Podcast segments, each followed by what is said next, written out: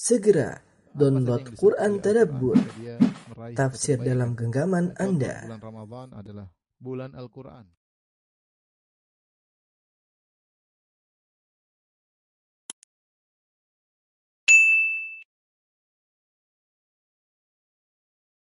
Bismillahirrahmanirrahim. Assalamualaikum warahmatullahi wabarakatuh.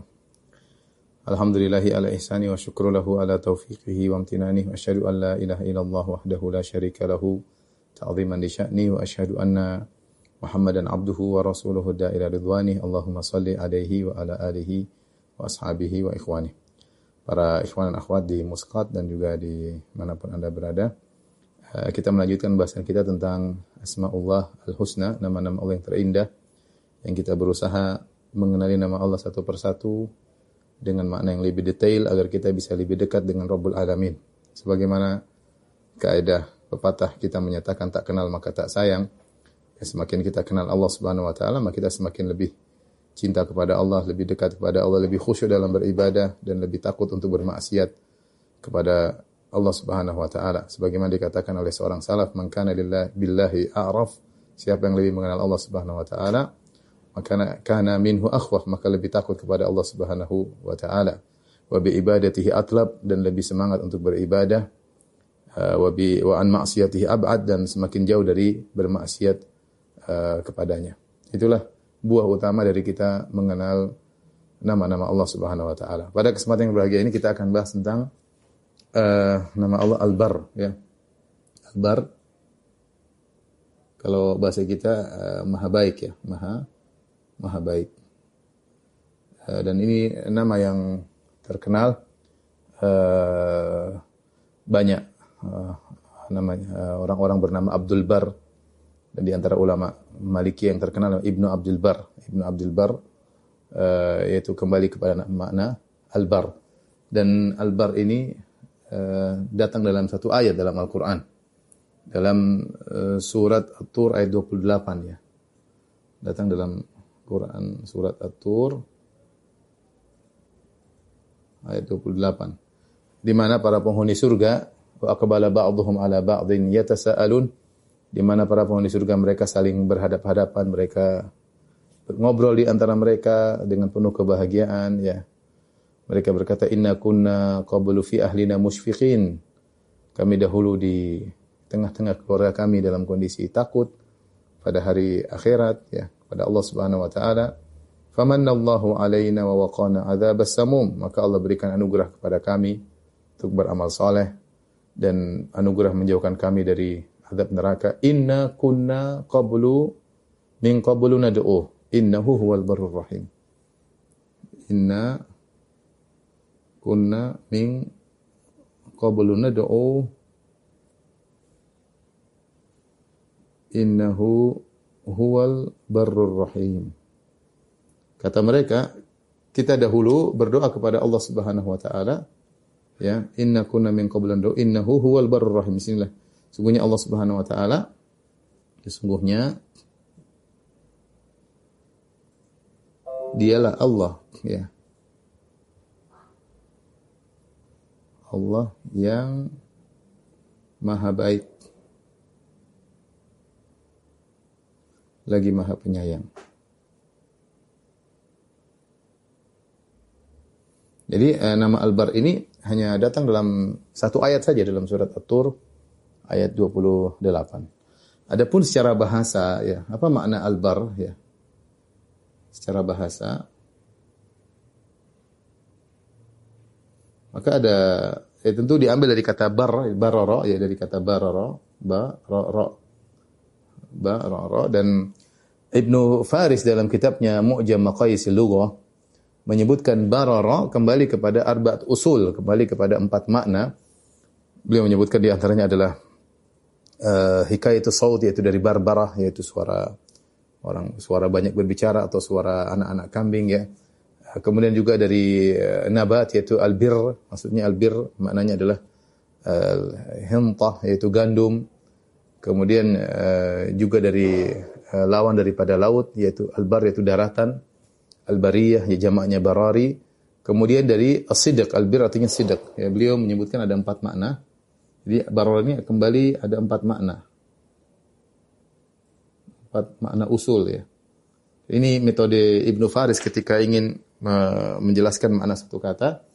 Eh, empat makna tersebut di antaranya adalah tadi sudah kita sebutkan al-barbarah. Ini adalah suara ya.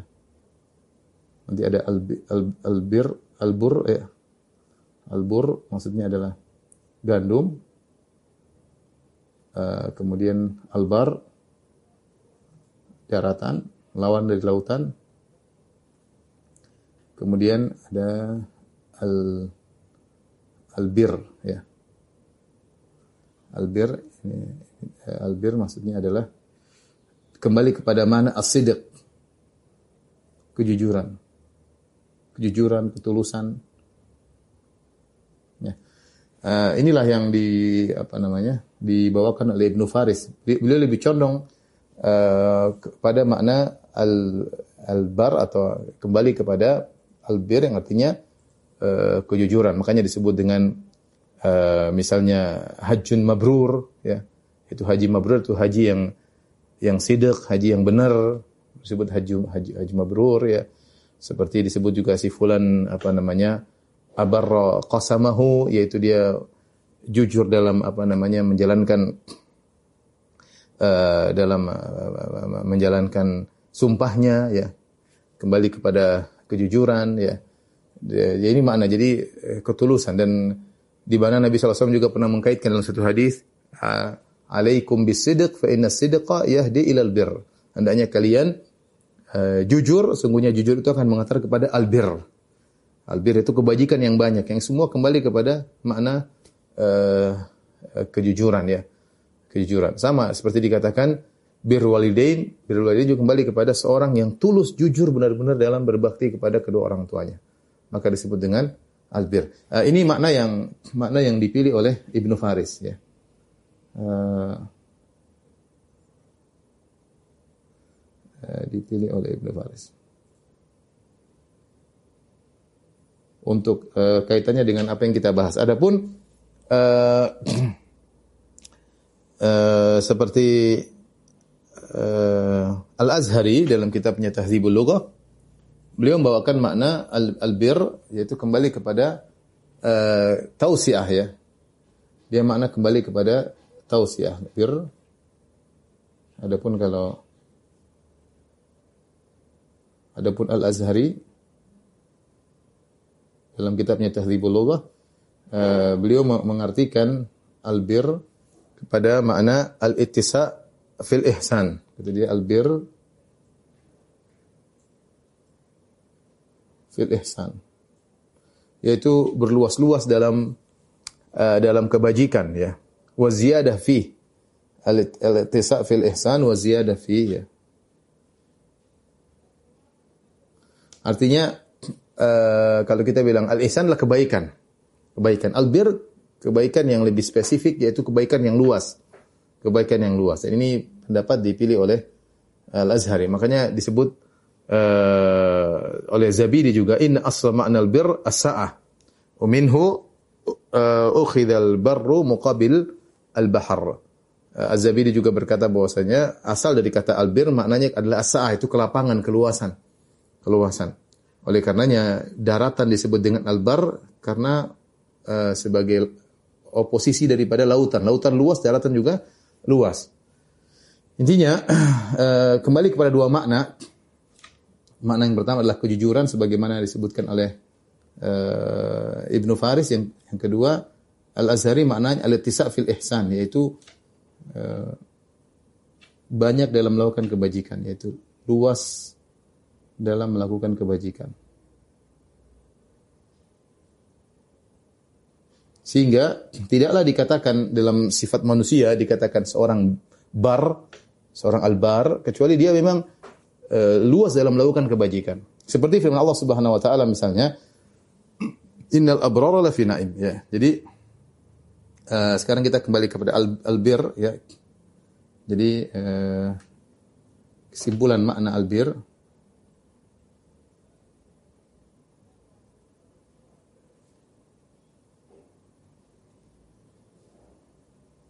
albir. Kita ada manusia. Dalam Al-Quran disebut manusia. disebut al-abrar. Al-abrar ya. Itu orang-orang yang sangat baik. Orang yang sangat baik. Seperti dalam Al-Qur'an kata Allah Subhanahu wa taala, "Innal abrara lafi na'im." Ya, seperti Allah Subhanahu wa taala, "Innal abrara lafi na'im." Dalam surat Al-Infitar. Yaitu orang-orang yang baik, yang sangat baik, yaitu baik dalam kalau sudah melakukan kebaikan, kebaikannya luas ya. Bukan hanya sekedar kalau sudah sedekah, sedekah yang serius. Kalau sholat malam, sholat malam yang serius. Kalau berbakti sama orang tua, berbakti yang serius ya. Ini al-abrar contohnya. Allah sebutkan juga contohnya misalnya Allah puji misalnya uh, Nabi Nabi Isa alaihissalam kata Allah Subhanahu wa taala wa barran biwalidati walam yaj'alni jabbaran syaqiyya demikian juga Nabi uh, Yahya wa barran biwalidayhi kata Allah Subhanahu wa taala wa barran biwalidayhi ini Nabi Isa ini Nabi Yahya. Maksudnya keduanya tidak dikatakan bar kecuali melakukan kebajikan yang banyak. Di antaranya juga adalah sifat uh, Allah sebutkan juga misalnya malaikat ya. Malaikat kata Allah Subhanahu wa taala kiraman kiraman barara. Ini malaikat. Malaikat yang sangat baik. Sangat baik, yaitu sangat patuh Allah mensifati para malaikat dalam surat Abasa kiraman bararah. Mereka malaikat yang uh, sangat baik ya. Kemudian uh, makna albir sendiri sebagai masdar makna albir kebajikan yang sesungguhnya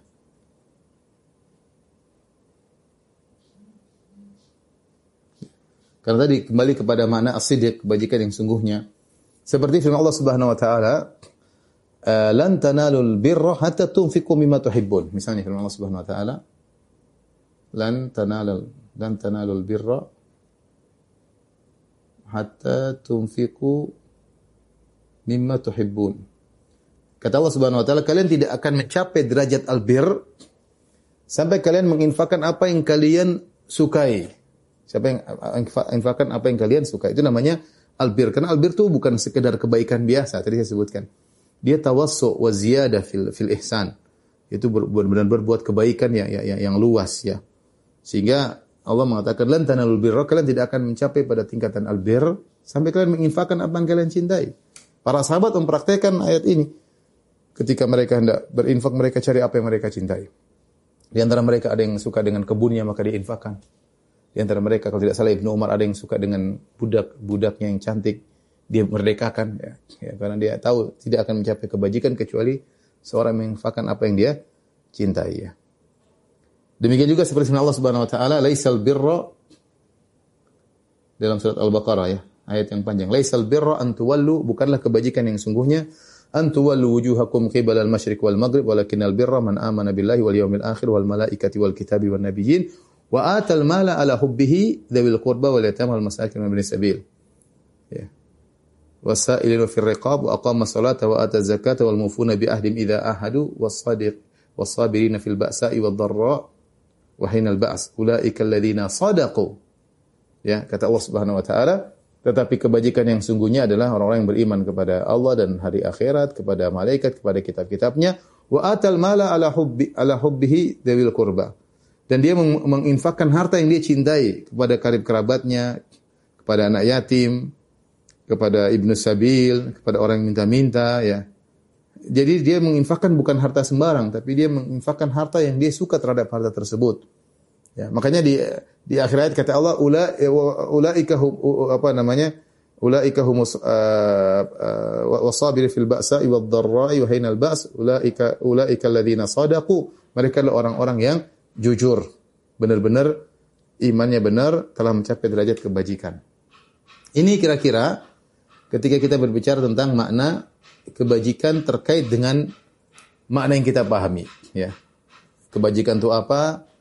Ada manusia yang yang albar, ada malaikat yang albar dan kebajikan itu sendiri. Maknanya kembali kepada dua makna yang tadi saya sebutkan dipilih oleh Ibnu Faris bahwasanya albir adalah kejujuran dalam melakukan kebajikan, tulus. Buktinya apa? Buktinya dia menginfakkan apa yang dia cintai. Buktinya dia serius ya. Atau kembali kepada makna yang disebut oleh Al-Azhari dalam kitabnya Tadzibul Lughah bahwasanya uh, kebajikan adalah berluas-luas dalam kebaikan. Tidak semua orang baik disebut dengan orang yang albar. Albar. Jadi albir adalah uh, masdarnya pelaku kebajikan disebut dengan albar atau albar. Albar atau albar. Ini uh, makna uh, albar sebagai secara bahasa. Taib. Apa makna albar sebagai nama Allah Subhanahu wa taala?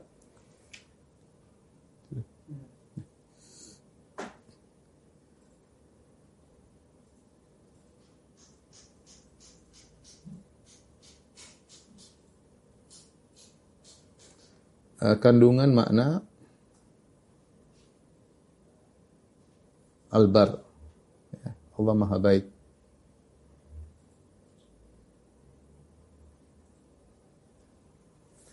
Uh, sebenarnya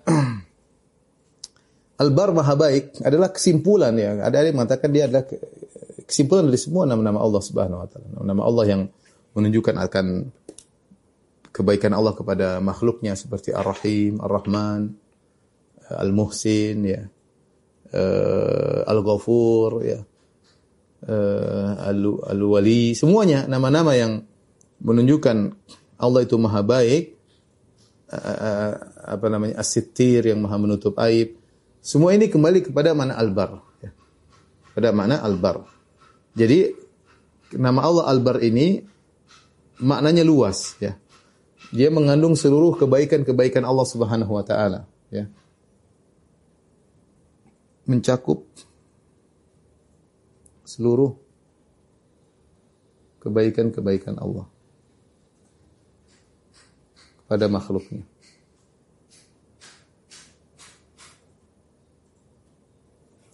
Uh, Syekh Abdul Razak uh, hafizahullah taala mencoba menyebutkan sebagian daripada makna kandungan-kandungan kebaikan tersebut.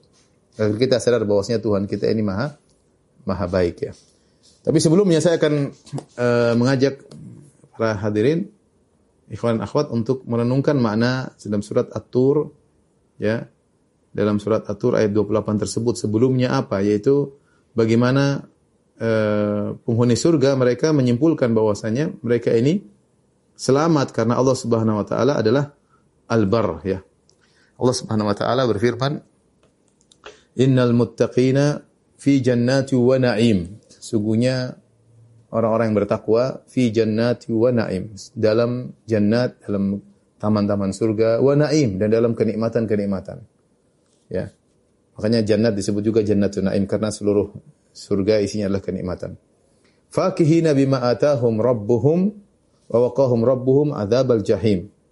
Mereka bersenang-senang, fakihin itu mereka bersenang-senang dengan apa yang Allah berikan bagi mereka di surga. Kenikmatan yang tiada henti-hentinya.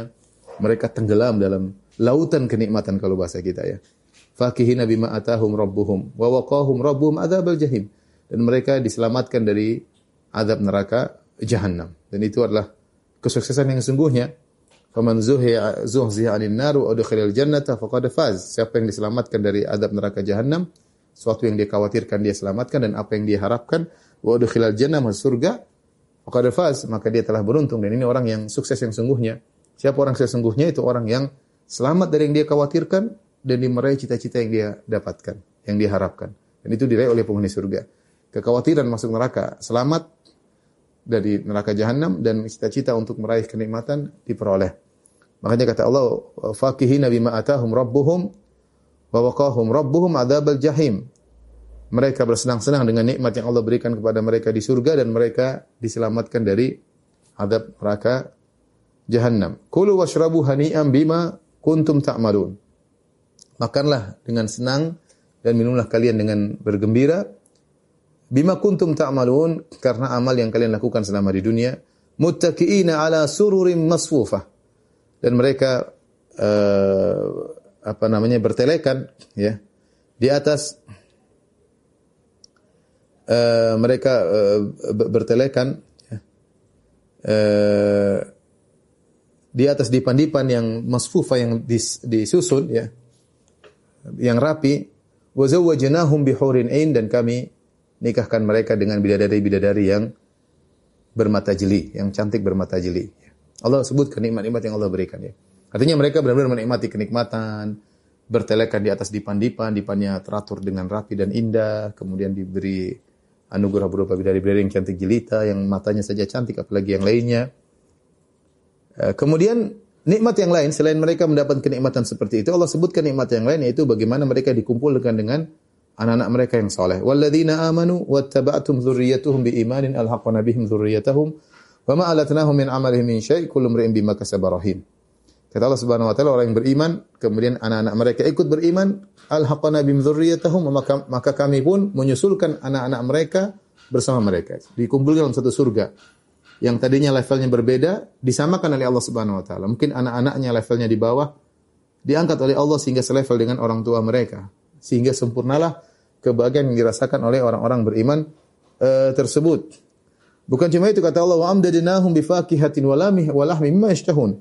Kami tambahkan lagi berupa buah-buahan yang mereka sukai wa lahmi mimma yashtahun dan dan daging-daging mereka sukai, daging apa pun mereka sukai, daging hewan, daging uh, burung kayak daging hewan darat kayak daging ikan kayak apa saja mereka makan.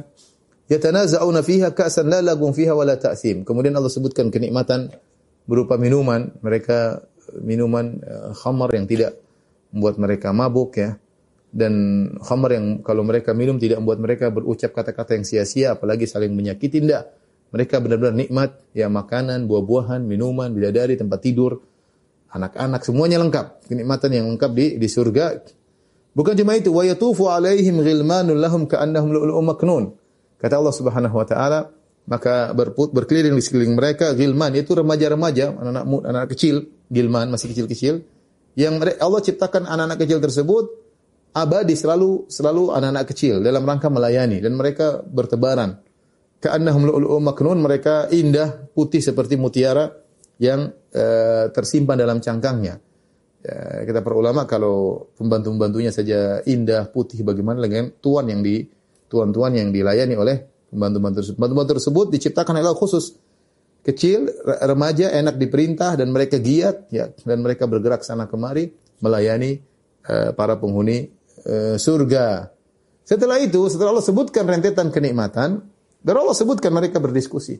Wa aqbala ba'dhum ala ba'dhin yatasaalun. Mereka saling berhadapan, mereka ngobrol di antara para penghuni surga. Saling bertanya-tanya di antara mereka. Ya.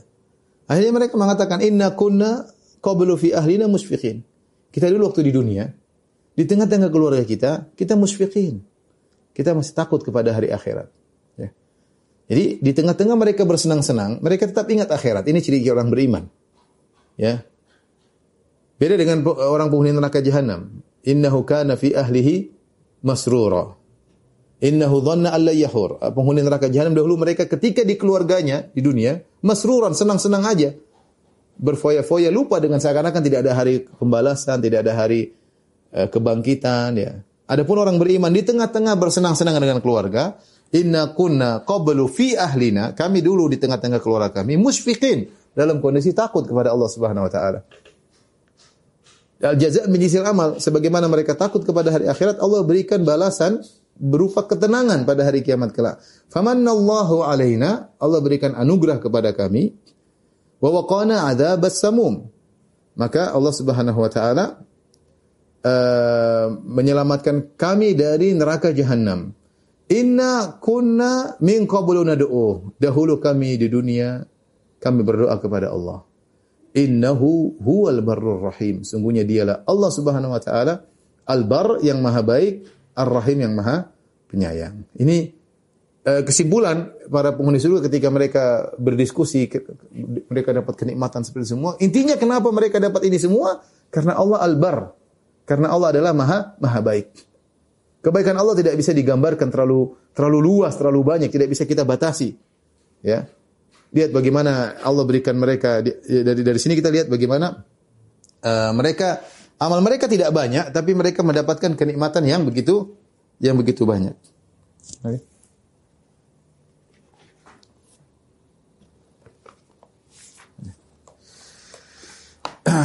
Jadi eh, kalau kita perhatikan dari ayat tadi ya, artinya amal mereka di antara kebaikan Allah Subhanahu Wa Taala ya, amal yang sedikit dibalas dengan uh, kenikmatan surga yang tanpa batas. Tidak banyak ya. Kita dulu takut kepada Allah Pak di, di keluarga kita. Akhirnya sekarang kita dapat kenikmatan yang bertubi-tubi yang Allah sebutkan dalam kisah yang mereka ada, yang mereka rasakan. Tapi di antara kebaikan Allah Subhanahu amal sedikit dibalas dengan banyaknya apa namanya? balasan dari Allah Subhanahu uh, wa taala. Kemudian di antara makna albar ya. Uh,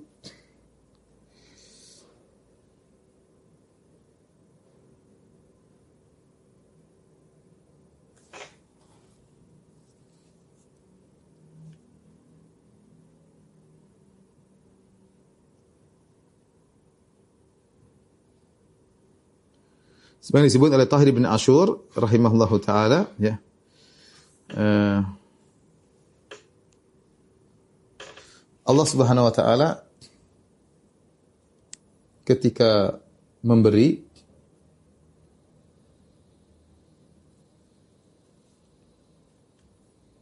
tidak mengharap pamrih sama sekali.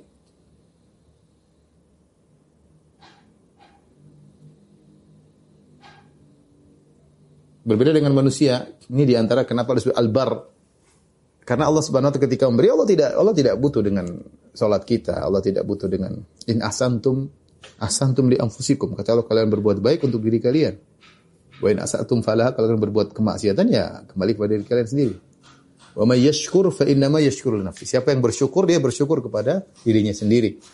Ya Allah tidak butuh dengan uh, salat yang kita lakukan, kajian yang kita adakan, ya zikir yang kita ucapkan, ya sedekah yang kita keluarkan. Allah nggak butuh. Itu semua kembali kepada kepada kita.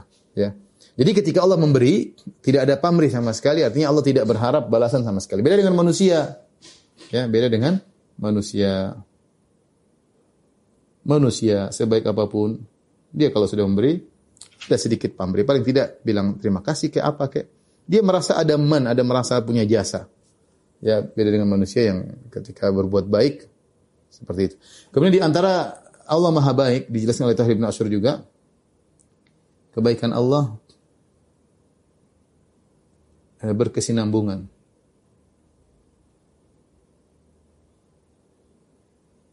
Bahkan sampai di akhirat.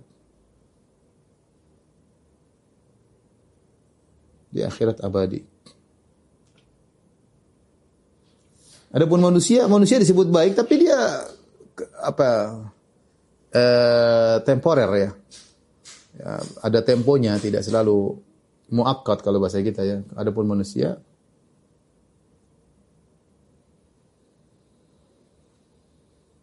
kebaikannya ada waktunya. Ada waktunya. Kita lah, nggak usah bicara jauh kita. Kita ini Kadang berbuat baik sama istri, kadang berbuat sama anak. Ada waktunya, tidak selalu. Ada saatnya kita berhenti dari berbuat kebaikan, ada saatnya kita tegur mereka, ada saatnya kita marah sama mereka. Allah tidak, Allah Subhanahu wa taala kebaikan tidak berhenti. Tidak berhenti. Bahkan orang yang melakukan maksiat Allah berikan kebaikan, tetap Allah berikan anugerah, Allah berikan rizki, ya. Sehingga Allah Al-Bar, Maha Baik, ya. Jadi ini perbedaan antara kebaikan Allah dengan kebaikan manusia. Kebaikan Allah tadi uh, tanpa ada pamrih sedikit pun. Kemudian kebaikan Allah juga tanpa tanpa batas ya bahkan sampai abadi selama-lamanya di di akhirat. Kemudian makna kebaikan Allah masih banyak ya. Saya bacakan sebagian yang ditulis oleh Syekh Abdul Razak uh, hafizahullah taala ya. Uh, misalnya di antaranya Syekh Abdul Razak menyebutkan bahwasanya Allah Subhanahu wa taala ketika menulis amal hamba, ya, amal hamba, aturannya ada ya. Barang siapa yang man hamma bihasanah falam ya'malha kutibat lahu hasanah. Siapa yang punya niat melakukan kebaikan dan dia tidak melakukannya, dia punya niat sudah dicatat sebagai satu kebaikan. Kalau dia melakukannya, maka dicatat 10 kali lipat sampai 700 kali lipat. Ya, ini di antara kebaikannya. Adapun jadi minimal minimal kebaikan itu kalau belum dikerjakan sudah dapat satu pahala. Kalau dikerjakan minimal 10, minimal 10 sampai berlipat ganda sampai 700 kali lipat. Ila adhafim katsira sampai lebih daripada itu terserah Allah Subhanahu wa taala. Sebagian amal tanpa batas. Eh, dilipat gandakan oleh Allah Subhanahu wa taala. Adapun maksiat, wa man hamma bi sayyi'atin falam ya'mal lam tuktab. Barang saya melakukan berniat melakukan kemaksiatan, dia belum melakukan tidak dicatat sebagai dosa, tidak. Wa in amilaha, kalau dia melakukan kemaksiatan tersebut, kutibat sayiatan wahida, dicatat sebagai satu satu keburukan. Ini lihat bagaimana maha baik Allah Subhanahu. Bahkan dalam dalam dalam mencatat kebajikan dan keburukan Allah tidak dengan dengan dengan keadilan tapi dengan bil fadl dengan karunia. Kalau dengan keadilan kan artinya satu satu kebaikan ya satu kebaikan, satu dosa satu dosa. Nanti tinggal ditimbang di uh, timbangan pada hari kiamat kelak. Tapi tidak dengan keadilan Allah bil fadl dengan karunia lebih daripada keadilan. Ya, maksudnya bukan sekedar bahkan Allah lebih memberikan bahkan orang melakukan kebaik, kebaikan dicatat minimal 10 kali lipat. Bisa jadi 700 kali lipat, bisa lebih daripada daripada itu. Walaupun maksiat cuma dihitung satu ya. Uh, kemudian di antara kebaikan Allah Subhanahu wa taala Allah Allah mengampuni dosa-dosa hambanya sebesar apa pun jika dia beristighfar kepada Allah Subhanahu wa taala. Tidak peduli. Allah tidak tidak peduli ya. Kata Allah Subhanahu wa taala dalam hadis qudsi ya uh, ya ibn adam innaka mada'autani wa rajautani ghafartu laka ala ma kana minka wala ubali. Wahai anak adam selama kau berdoa kepadaku selama kau berharap kepadaku aku akan ampuni dosa-dosamu. Sebanyak apa pun dan aku tidak peduli. Aku tidak peduli. Ya ibn Adam lau balagat dhunubuka anana sama thumma astaghfartani ghafartu laka wala ubali. Wahai anak Adam Seandainya dosa-dosamu sampai kepada menjulang di langit, bertumpuk sampai di langit, kemudian kau minta ampun kepadaku, aku akan ampuni dan aku tidak peduli. Maha baik, ini maha baik seperti ini. Kita ini manusia, ada salah sedikit, peduli orang tersebut kita singgung sedikit, dia dia peduli, dia bukan tidak peduli, dia peduli. Ya, dia peduli dengan kesalahan yang kita lakukan. Dia, dia ingat kesalahan yang kita lakukan. Dia tersinggung. Betapa banyak kita orang salah ngomong tersinggung. Ya. Kita salah, kita maksudnya baik, dia salah paham, dia tersinggung. Banyak orang seperti manusia seperti itu. Kesalahan tidak bukan bukan tidak dia pedulikan, dia peduli manusia. Allah tidak. Walau balagat dzunubuka anana sama. Kata Allah, seandainya dosa-dosamu setinggi langit, Thumma astaghfartani kemudian kau minta ampun kepadaku, ghafartu laka wala ubali. Aku akan ampuni engkau dan aku tidak peduli. Betapa maha baiknya Allah Subhanahu wa taala. Ya ibn Adam law ataitani bi qurabil ardi khataya thumma lakitani la tusyrik bi syai'a la ataituka bi qurabiha maghfirah. Hai anak Adam, kalau kau bertemu dengan aku dengan bawa dosa sebesar bumi ini, seberat bumi ini, sepenuh bumi ini, kemudian kau tidak berbuat syirik sama sekali, aku akan mendatangimu dengan ampunan sebesar bumi ini pula. Ini di antara kebaikan Allah Subhanahu wa taala. Di antara kebaikan Allah Subhanahu wa taala, ini disebut oleh Syekh Abdul agar kita kenal siapa Tuhan kita ini. Agar kita tahu bahwasanya Tuhan kita maha baik. Jangan jangan sama Allah Subhanahu wa taala. Allah Subhanahu wa taala menutupi aib-aib kita. Betapa sering kita melakukan maksiat yang tahu hanya Allah Subhanahu wa taala Allah tidak bongkar. Kalau Allah berhendak Allah akan bongkar. Satu dunia tahu apa yang kita lakukan, tapi Allah tutup ya dosa-dosa kita. Dalam hadis ketika hari kiamat kelak, Inna Allah yudinil mu'min fayadhu alaihi kanafa wa yasturuhu. Pada hari kiamat kelak Allah menghisap seorang hamba, seorang hamba yang mukmin yang ketika dunia melakukan kemaksiatan, tapi antara Allah dengan dia saja. Allah tutup dia, tidak ada yang tahu. Allah berkata, "Ata'rifu dzamba kadza?" Kau ingat dosa ini? Kata si mukmin, "Na'am ya Rabb, aku ingat ya Allah." Kau ingat dosa ini? Allah ingatkan. "Na'am ya Rabb, subhanallah." Dia diingat tentang dosa-dosa yang dia lakukan. Hatta idza qarrarahu bidzunubihi wa ra'a fi nafsi annahu halak. Tatkala Allah telah membuat dia mengakui dosa-dosanya dan dia menyangka dirinya akan binasa, artinya banyak yang Allah bongkar. Dia merasa dirinya bukan satu dua dosa, dia merasa dirinya binasa. Aduh, aduh, iya, aduh, aduh kalau di akhirat seperti itu, aduh. Ini begini, iya ingat, ingat gak, ingat gak, ingat gak. Wa yaru annahu qad halak dan dia merasa dirinya sudah binasa, artinya banyak dosa yang Allah bongkar. Allah berkata, "Satartuha 'alaika fid dunya." Di dunia aku tutup dosa-dosamu ini. Aku tutup, nggak ada yang tahu. Wa ana aghfiru laha aghfiruha lakal yaum dan pada hari ini aku ampuni dosa-dosamu. Subhanallah di antara nikmat ya maha baik Allah Subhanahu wa taala seperti itu.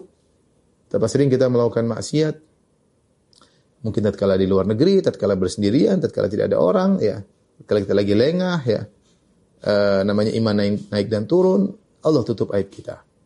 Di dunia Allah tutup, di akhirat juga Allah Allah uh, Allah tutup. Ini di antara uh, kebaikan-kebaikan yang Allah berikan kepada hamba-hambanya. Dan dan masih banyak lagi ya. Masih banyak lagi tentunya yang Syekh Abdul Razak juga sebutkan ya bagaimana Allah gembira kalau ada hamba-hambanya yang uh, bertobat, Allahu asyaddu farahan taubati abdihi yatubu ilaih Allah bergembira dengan hambanya yang bertobat ketika bertobat kepada Allah Subhanahu lebih gembira daripada seorang yang kehilangan kendaraannya di padang pasir kemudian ketemu lagi kendaraannya tersebut. Artinya ini membuka membuka peluang bagi, kita kita tahu bahwasanya Tuhan kita maha baik. Tidak perlu ragu untuk bertobat kepada Allah. Tidak jangan sampai suudzon kepada Allah Subhanahu wa taala. Tuhan kita baik lebih daripada yang kita persangkakan, ya. Makanya kaidah saja uh, Nabi mengatakan lallahu arhamu bi ibadihi bin hadi bi waladiha. Allah lebih sayang kepada hamba-hambanya daripada kasih sayang seorang ibu terhadap anaknya. Kita saja sayang kita pada anak luar biasa, ya. Sayang kita terhadap anak kita, kita kerja, kita begadang, kita inilah demi menyenangkan anak-anak.